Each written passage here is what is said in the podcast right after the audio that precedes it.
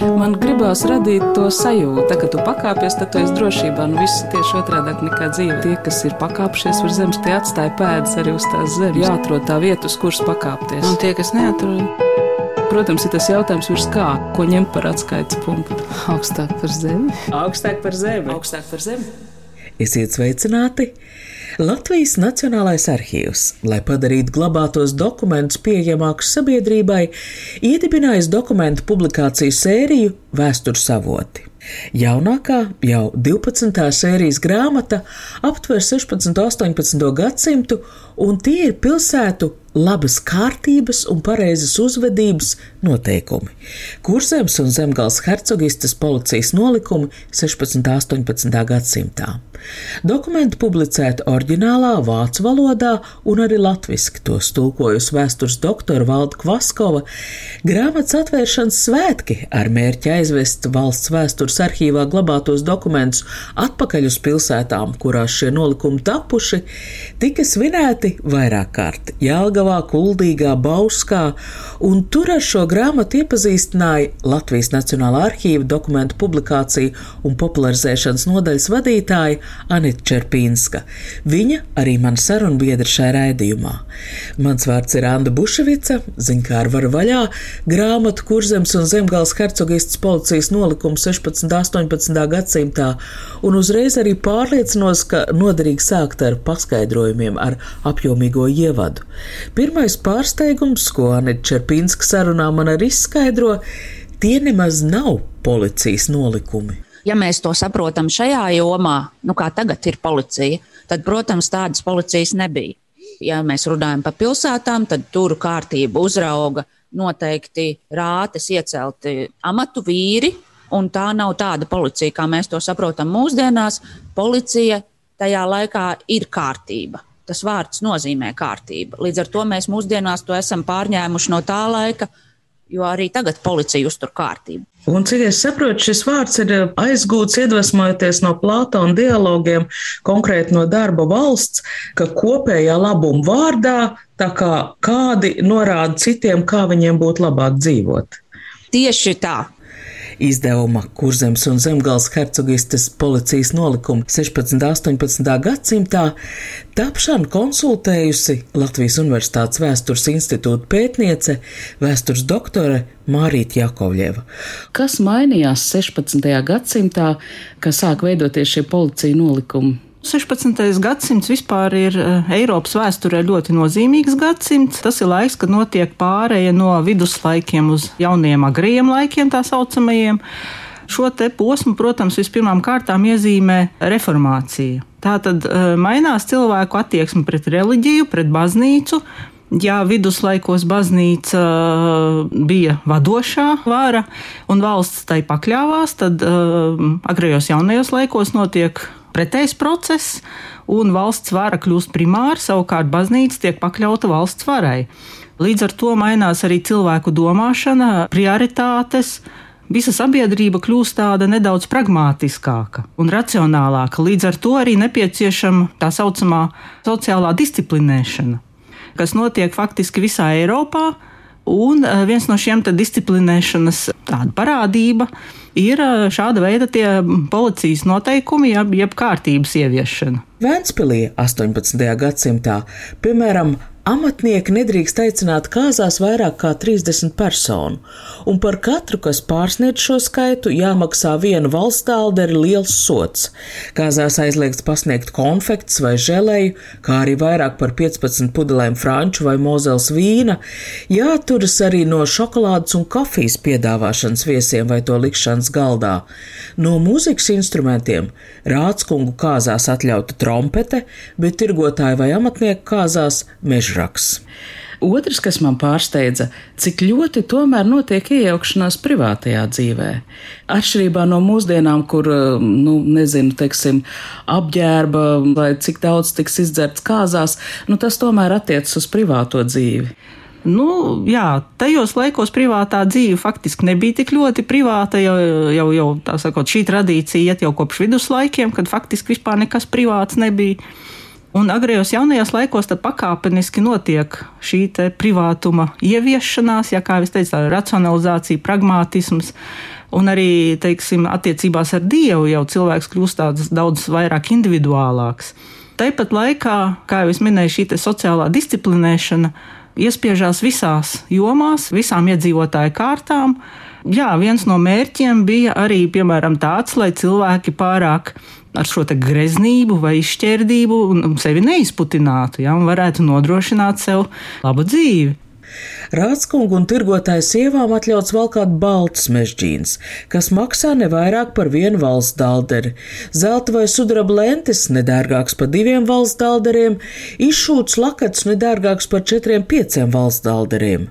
Runājot par rotām, svinīgos un svētku gadījumos, viņām atļauts valkāt vienu krustiņu, vienu gredzenu, divas pērļu virtenes ap kaklu un ap roku. Nu, redziet, šie greznības tieši ierobežojumi, kas ir par drēbēm un par uh, uzdzīvi, tie ir jāsaista arī ar reliģisko tā laika nostādni, vai ne, ka mērenība ir jāievēro. Un otrs, kas mums ir jāņem vērā, ir tā kārtu nodalīšana ka noteiktā statusā cilvēkam esot, ir jāatbilst noteiktam izskatam. Un nav pieņemts un nav labi, ja kāds no zemākas kārtas jau sāk izskatīties pēc augstākas kārtas cilvēka, lai vienkārši citi uz ielas automātiski zinātu, kā pret šo cilvēku ir jāizturās. Un to jūs varat redzēt pat ļoti izteikti, pat Dikensā. Vēl joprojām tas ir 19. gadsimta otra puse, Bet Dikensā jūs ļoti labi redzat, ka drēbes nosaka statusu. Cilvēks nomaina drēbes, un viņu vairs neatpazīst. Cilvēku neuztver pēc sevis, kā mēs viens otru, vai ne? Mēs automātiski skatāmies uz visu cilvēku. Tajā laikā drēbes ir statusa noteicējs. Līdz ar to vajag sadalīt, lai šī kalpone nesāk izskatīties pēc kundzes, jo kāda no kundzēm var būt nabadzīgāka un nedod Dievs, viņas sāks jaukt uz ielas. Svētās trīsvienības vārdā Āmen! No dieva žēlastības mēs, Friedrichs Kurzems un Zemgals hercogs Livonijā, paziņojam un darām zinām ar šo dokumentu savā savu mantinieku un valdnieku vārdā ikvienai augstas un zemes kārtas personai sekojošo. Šādi sākās 1635. gadā pieņemtais Bauskas pilsētas policijas nolikums, jāteic, ka līdzīgi ir arī pārējie. Kur zem zemgāles hercogistē, kādas tad eh, pilsētas īsti bija? Ja runā par pilsētām, tad tajā laikā pilsēta ir tā, kurai ir pilsētas nolikumi. Jo Tukums mēs tomēr viņu vienmēr uzskatīsim par miestu, un tikai guberņas laikā viņam būs šīs pilsētas tiesības. Līdz ar to tās, kas mums ir iekļautas nolikumos, tās arī ir šīs pilsētas ar pilno tiesību statusu, jo tikko viņām ir no hercoga piešķirtas tiesības, tā vienalga, cik tur ir iedzīvotāju viņas jau ir pilsētas ar šīm savām specifiskajām tiesībām. Un kādas ir lielākās pilsētas tajā laikā?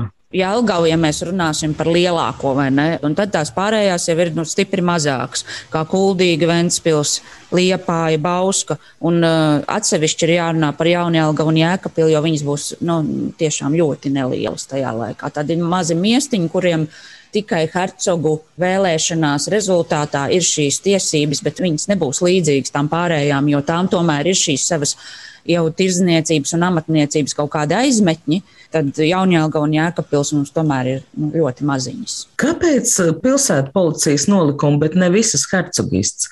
Mūsdienās tomēr vadošie valsts likumi un tad katra pašvaldība tos it kā papildina. Tas ir saistīts ar to, kā pilsēta pozicionē sevi pret visu kurzem kopumā.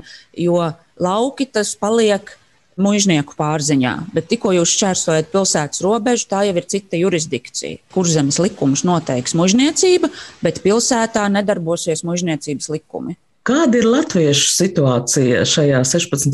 un 18. gadsimtā? Tas sauklis, ka pilsēta gaisa dara brīvu, respektīvi, ja viņš aizmūk no mužnieka tās jurisdikcijas, tad uz viņu attiecas šie citi likumi. Protams, mužnieki nav ieinteresēti atdot uh, pilsētai darba spēku.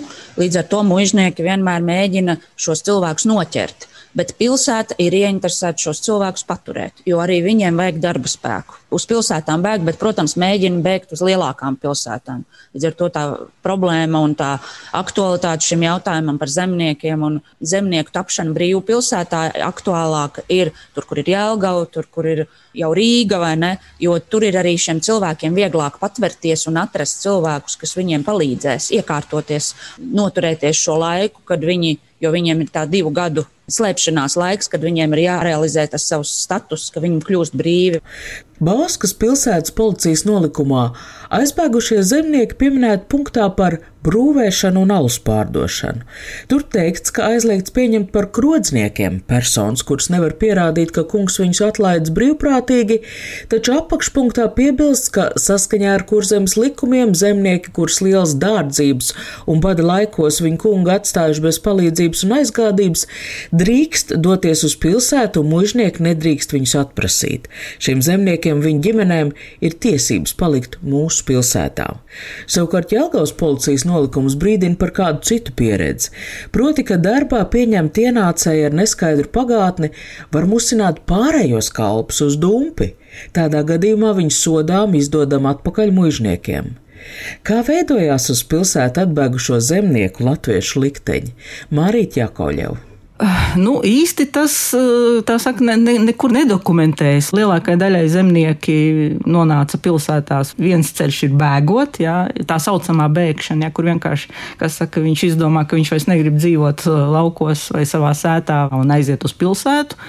Un, protams, bija arī tādi, kas tur dzīvoja no laika gala, jau no, kā saka, dzimtu dzimtas pilsētu miesti jau veidojās jau ordeņa laikos, teiksim, tāpat Kuldīga vai Ventspils, un vietējie dzīvotāji jau arī tur dzīvoja. Bija latviešu amatnieki un bija arī tie palīgi strādnieki, ja, bez kuriem nevarēja iztikt nedz amatnieki, nedz arī tirgotāji. Un arī, protams, kā kalpotāji turīgo iedzīvotāju mājās, arī lielāko tiesu bija latvieši. Un Kurzemes hercogistas pilsētās ir tāda tā saucamā kambarnieku kārta vai grupa, ja, kuri dzīvoja kādās mazos kambarīšos, kādās mājās un pildīja šo strādnieku funkciju. Kas tad īsti veidoja šo pilsētas nu, sociālos slāņus? Pilsētā, ja tā ir klasiska pilsēta, viņā obligāti ir jābūt birģeru slānim, respektīvi brīvie un arī pārsvarā Viņi būs vācieši vai ebreji vai poļi, bet viņi nebūs no tās igauņu un latviešu protonācijas. Jebkurā pilsētā šie birģeri kas ir pilntiesīgie iedzīvotāji, uzskatīs, ka viņi ir īstā pilsētas sāls. Un tie ir tirgotāji amatnieki, un tikai pārējie ir šie iedzīvotāji, kurus mēdz saukt par piedzīvotājiem. Viņi piedzīvo pie birģeriem. Vienkārši latviešu tas vārds tā neskan vairs tik labi, bet viņus tā tajā laikā sauc jo viņi dzīvo pie birģeriem un līdz ar to nodrošina pilsētas pastāvēšanu. Lasot tā laika policijas nolikums, interesanti arī pievērst uzmanību, kā tiek izprasts gods un godīgs cilvēks. Policijas nolikuma kontekstā tā vairs nav gluži ētikas kategorija. Jau 1617. gadā pieņemtajos kurzemes statūtos teikts, ka par bezgodi pasludināms personas, kas izplata paskvils un apmelojošus rakstus, pārkāpj laulību, uzsāk kautiņu godīgu sieviešu klātbūtnē vai atplēš svešas vēstules. Grāmatas ievadā raksta Valda Kvaskova, jēdziena cilvēks ar sliktu slavu skaidrojumu atrodam gan Bauskas, gan Jaunjēlgavas policijas nolikumā, proti tas ir cilvēks, kas nepatiesi esi zvērējis vai lauzis zvērestu, laupījis zadzis, vai savukārt godīgs cilvēks nozīmē, ka viņš ir brīvs cilvēks ar īpašumu. Godīgs cilvēks ir arī godīgā laulībā dzimis, ko viņš apliecina ar noteiktu dokumentu klātesamību. Bet tad iznāk, ka šim atmukušajam zemniekam nav izredz kļūt par godīgu cilvēku. Ir jāņem vērā, ka viņam nav šāda ambīcija tajā laikā. Ja viņš ir atbēdzis uz pilsētu, viņa interesē šī sava statusa nodrošināšana pilsētā ar to, ka viņš strādās, pelnīs sev naudiņu un nebūs šis dzimzemnieks, ko viņš acīm redzot vairs negrib. Jo ir jau arī tie dzimzemnieki, kuri aizbēg vienkārši uz citu mūžu. Un kļūst dzimzemnieki citur. Jo mums ir tāds priekšstats, ka tajā laikā cilvēks negribēja būt dzimzemnieks, bet viņš jau, viņam tās alternatīvas, ko viņš redzēja, nebija tā, ka mēs iedomājamies, o, oh, viņš varēja doties uz kolonijām un kļūt brīvs. Cilvēkam nav tik daudz zināšanu, lai viņš to saprastu, ka viņš tā var darīt, ka viņam ir šīs daudzās alternatīvas. Tajā laikā patiesībā cilvēks, kur piedzima, tad plus mīnus tajā statusā viņš arī nodzīvoja. Tas bija tā pieņemts. Viņi neuzskatīja, ka viņam obligāti ir jāmaina savs status. Tas tāpatās kā amatnieks, viņam visdrīzāk dēls būs amatnieks. Bet šis zemnieks, viņam ir izvēle vai nu bēgt uz šo pilsētu, vai uz citu mūžu. Viņam nav tā problēma, ka viņam būtu slikti būt zemzemniekam. Tātad tajā vietā, kur viņš bija, vai nu viņam ir sliktāk paveicies ar zemi vai ar mužnieku, kas ir nežēlīgs, vai arī viņam vieta nav tik laba, viņš viņu maina pret citu, bet līdzīgu statusu tikai varbūt citā mužā ar cerību, ka viņš iekārtosies tur labāk. Ko var izsacināt no šiem dokumentiem? Nu, kas ir tās tēmas, kas tur parādās?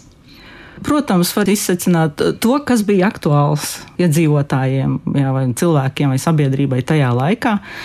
Un arī, kā jau es minēju, to, ka viena daļa no šīm problēmām netiek atrisināts ilgstošā laika posmā. Jā, tas mēs redzam, ja kas cilvēkiem bija aktuāls, teiksim, šie te likumi, pat cik viņi atkārtojās, tas nozīmē, ka tā tad likumi netiek izpildīti. Jā.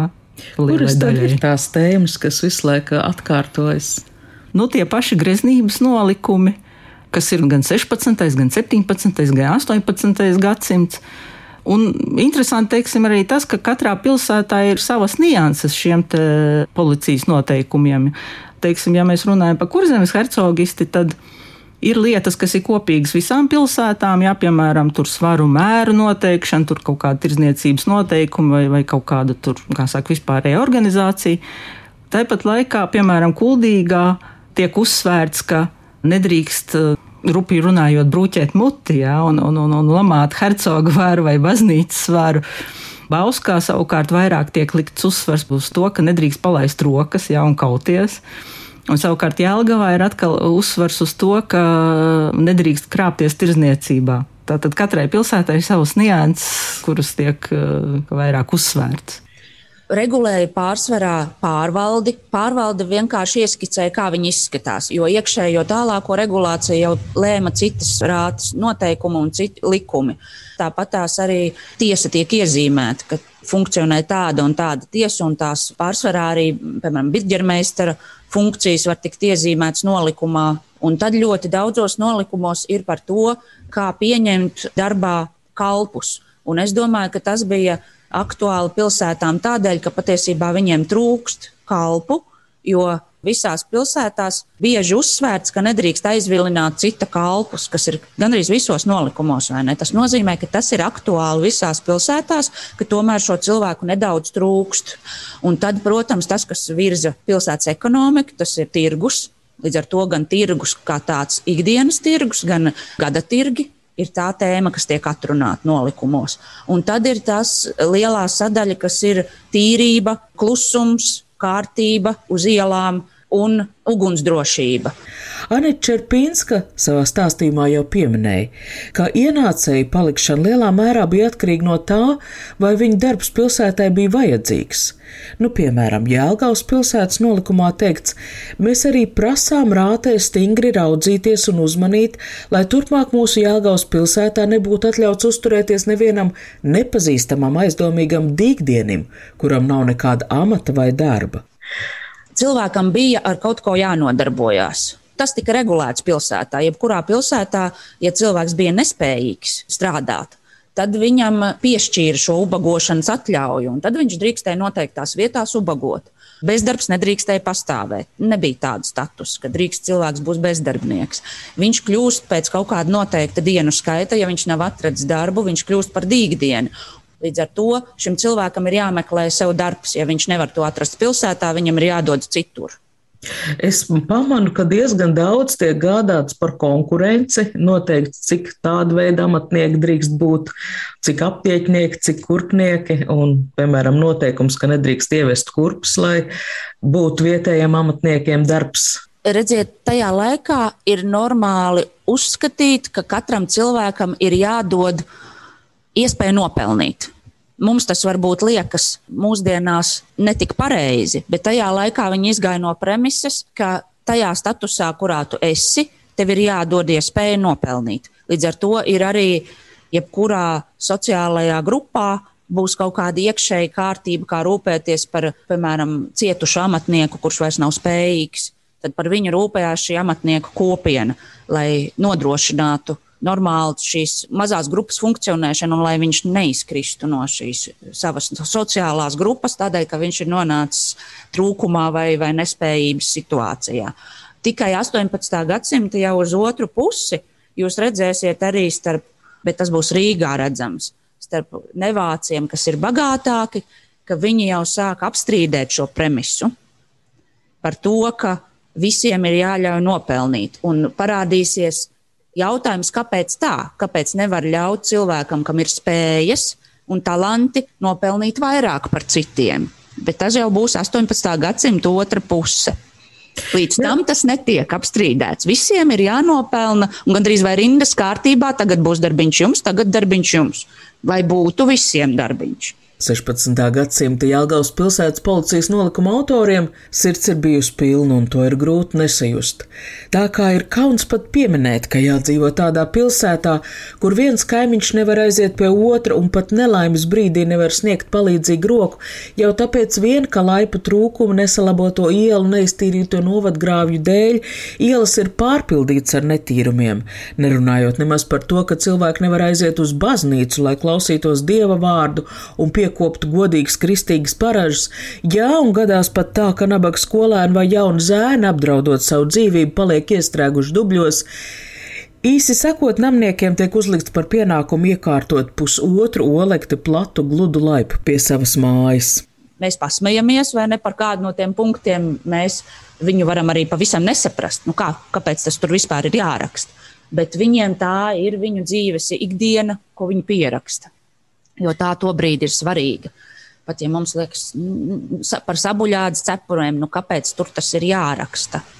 Nu, ja vienam ir, piemēram, parastā sabuļāda, kādam drīkstēja būt cepura, un kurā brīdī šī sabuļāda vairs nav parasta, nu, kurš to noteiks? Vai arī, ja drīkstēja būt vienai vai otrai amatnieku jaunkundzei tik vai tik gara mežģīne, tad kāds gāja un viņu mērīja. Jo es vienmēr domāju, tad, kad mēs lasām šo nolikumu, kā realizēja šo procesu, ka kāds kontrolē to. Tātad kāds iet uz kāzām un skaita ēdienus, vai ir tik, cik vajag, un vai līdz deviņiem beidza dejot, un vai neskūpstījās dejošanās laikā, ja tas ir nolikumā ierakstīts. Jo ir gadījumi, kad es esmu redzējusi, ka, bet tas arī bija Rīgā, ka tiek sodīts nevācu puisis par to, ka viņa kāzās meitenei bija pakrāšņu vainags.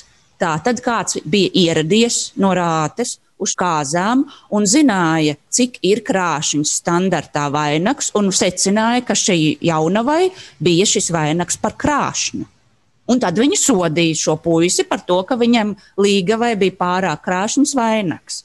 Bet iedomājieties, cik daudz cilvēku bija nodarbojās un izmantoja resursus šī vienkāršā vainaga jautājuma kārtošanai. Vai tajā laikā pastāvēja kas līdzīgs policijai? Nu, kādam taču bija jāizšķir kaušļi vai nu, jānoķer pie rokas negodīgs tirgotājs? Policija kā tāda mūsdienu izpratnē faktiski nepastāvēja.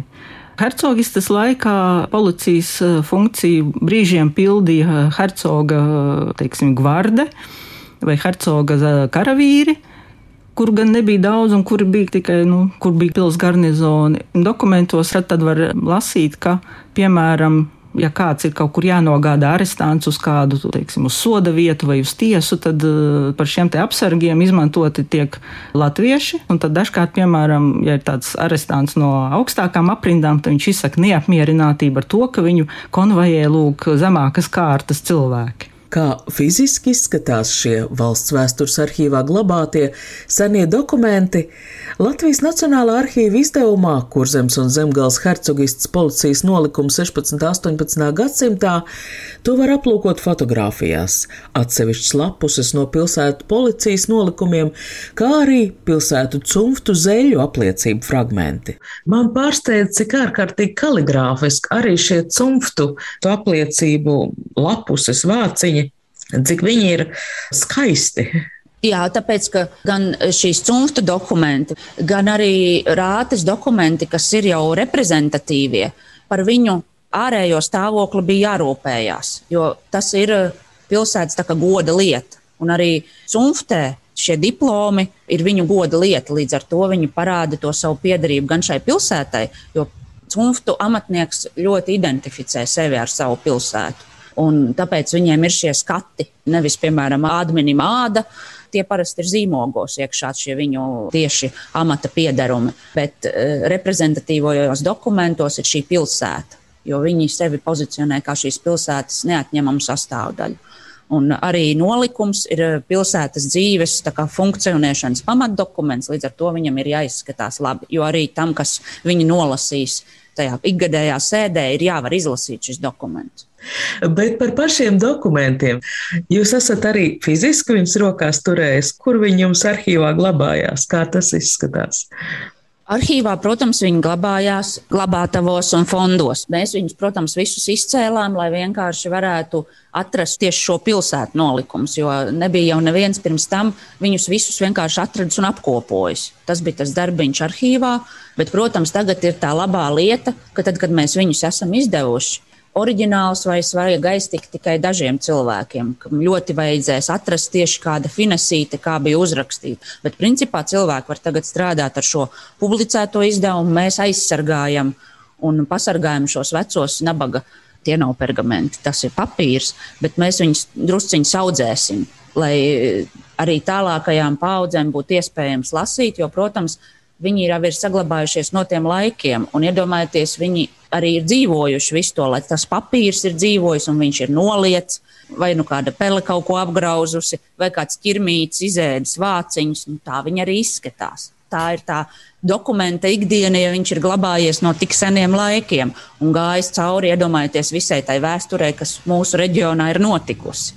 Līdzīgi pilsētu nolikumi tika rakstīti visā Eiropā, jo īpaši Vācijā, un šobrīd interesi par tiem atzimst, jo šie nolikumi sniedz ieskatu 16. un 18. gadsimta pilsētnieku sadzīvē. Taču kāda iemesla pēc šie dokumenti tika apkopoti, pārlasīti iepriekšējos gadsimtos? Te tiek minēts Kristofs Georgs from Cīgenhorns 18. gadsimtā, ka viņš sāca šos eh, dokumentus eh, kārtot Oto Hūna kartes. Kad sākās faktiski šī reģiona tāda apzināta jau vienotās vēstures rakstīšana? Tad arī sākās, jo 18. gadsimts ir tas, kad raksta šos topogrāfiskos aprakstus, respektīvi stāsta par vietu. Un tad par to vietu stāstot, stāsta arī par vēsturi ne? Jo tas ir neatņemama šīs vietas dzīves sastāvdaļa. Un tad parasti vēl geogrāfisko aprakstu, cilvēku tikumu aprakstu, un veidojās šīs novadpētnieku stāstījumi ar vēsturisku ieskatu. Bet ir arī tā daļa, protams, kas ir šie, kā Cigenhorns, kas ir izglītotie cilvēki, vai juristi, vai, vai mācītāji, kas jau vāc apzināti vai nu dokumentus, vai norakstus, un lasa tos tādā nolūkā, lai izprastu vēstures gaitu. Bieži vien tas ir saistīts ar tādu vajadzību vienkārši to brīdi saprast, nu, kāds likums pastāv. It sevišķi juristam viņam ir vienkārši jāsaprot, jo tajā laikā arī tiesvedībā ir normāli atsaukties, ja runa ir par privilēģijām vai par kādu normu ievērošanu, atsaukties uz 300 gadu vecu dokumentu ir normāli. Mums tas mēs nesapām, kā tā varētu. Bet tajā laikā, 1500. kurā gadā bija pieņemts tāds lēmums, un viņš vēl 18. gadsimtā ir aktuāls. Pēc viņa vadās. Līdz ar to ir šie likumi ir jāvāc un viņus ir jāsalīdzina, lai vienkārši secinātu, kā mums šodien rīkoties. Un tā viena tā vēstures daļa, kas ir tā eh, tiesvedības vēsture, arī tā rodas. Kā ar šī laika posmu, 16. un 18. gadsimts, tad kas bija pēc tam, kas bija pēc šī 18. gadsimta, kas mainījās? Kurzemes un Zemgales hercogiste bija pēdējā no Latvijas teritorijām, kas nonāca Krievijas sastāvā. Kurzemes hercogistes pievienošana notika 1795. gadā. Un, protams, tad nācās pielāgoties jau, saka, jau esošajai kārtībai impērijā. Tāpat laikā daudz kas tika pārmantots arī no hercoga laikiem, vismaz administratīvā sistēma pa daļai palika vecā, piekārtojās jaunajām prasībām. Paldies par sarunu vēstures doktorai Mārītai Jakovļevai un arhīvistei Anitai Čerpīnskai. Sērijas vēstures avota jaunākais izdevums, kur zemes un zemgals hercogists policijas nolikumi 16. un 18. gadsimtā nopērkams grāmatnīcās vai pasūtams Nacionālā arhīva mājaslapā. Šo raidījumu veidoja Anna Buševica, par skaņu gādāja Valdes Raitums. Tā kā tu pakāpies, tad tu esi drošībā. Nu, viss ir tieši otrādi nekā dzīve. Tas ir tā spēle, jā. Tie, kas ir pakāpšies virs zemes, tie atstāja pēdas arī uz tās zemes. Protams, ir tas jautājums, ko ņemt par atskaites punktu. Nē, nu, principā ir skaidrs, augstāk par zemi. Jāatrod tā vieta, uz kuras pakāpties. Augstāk par zemi. Augstāk par zemi. Augstāk par zemi.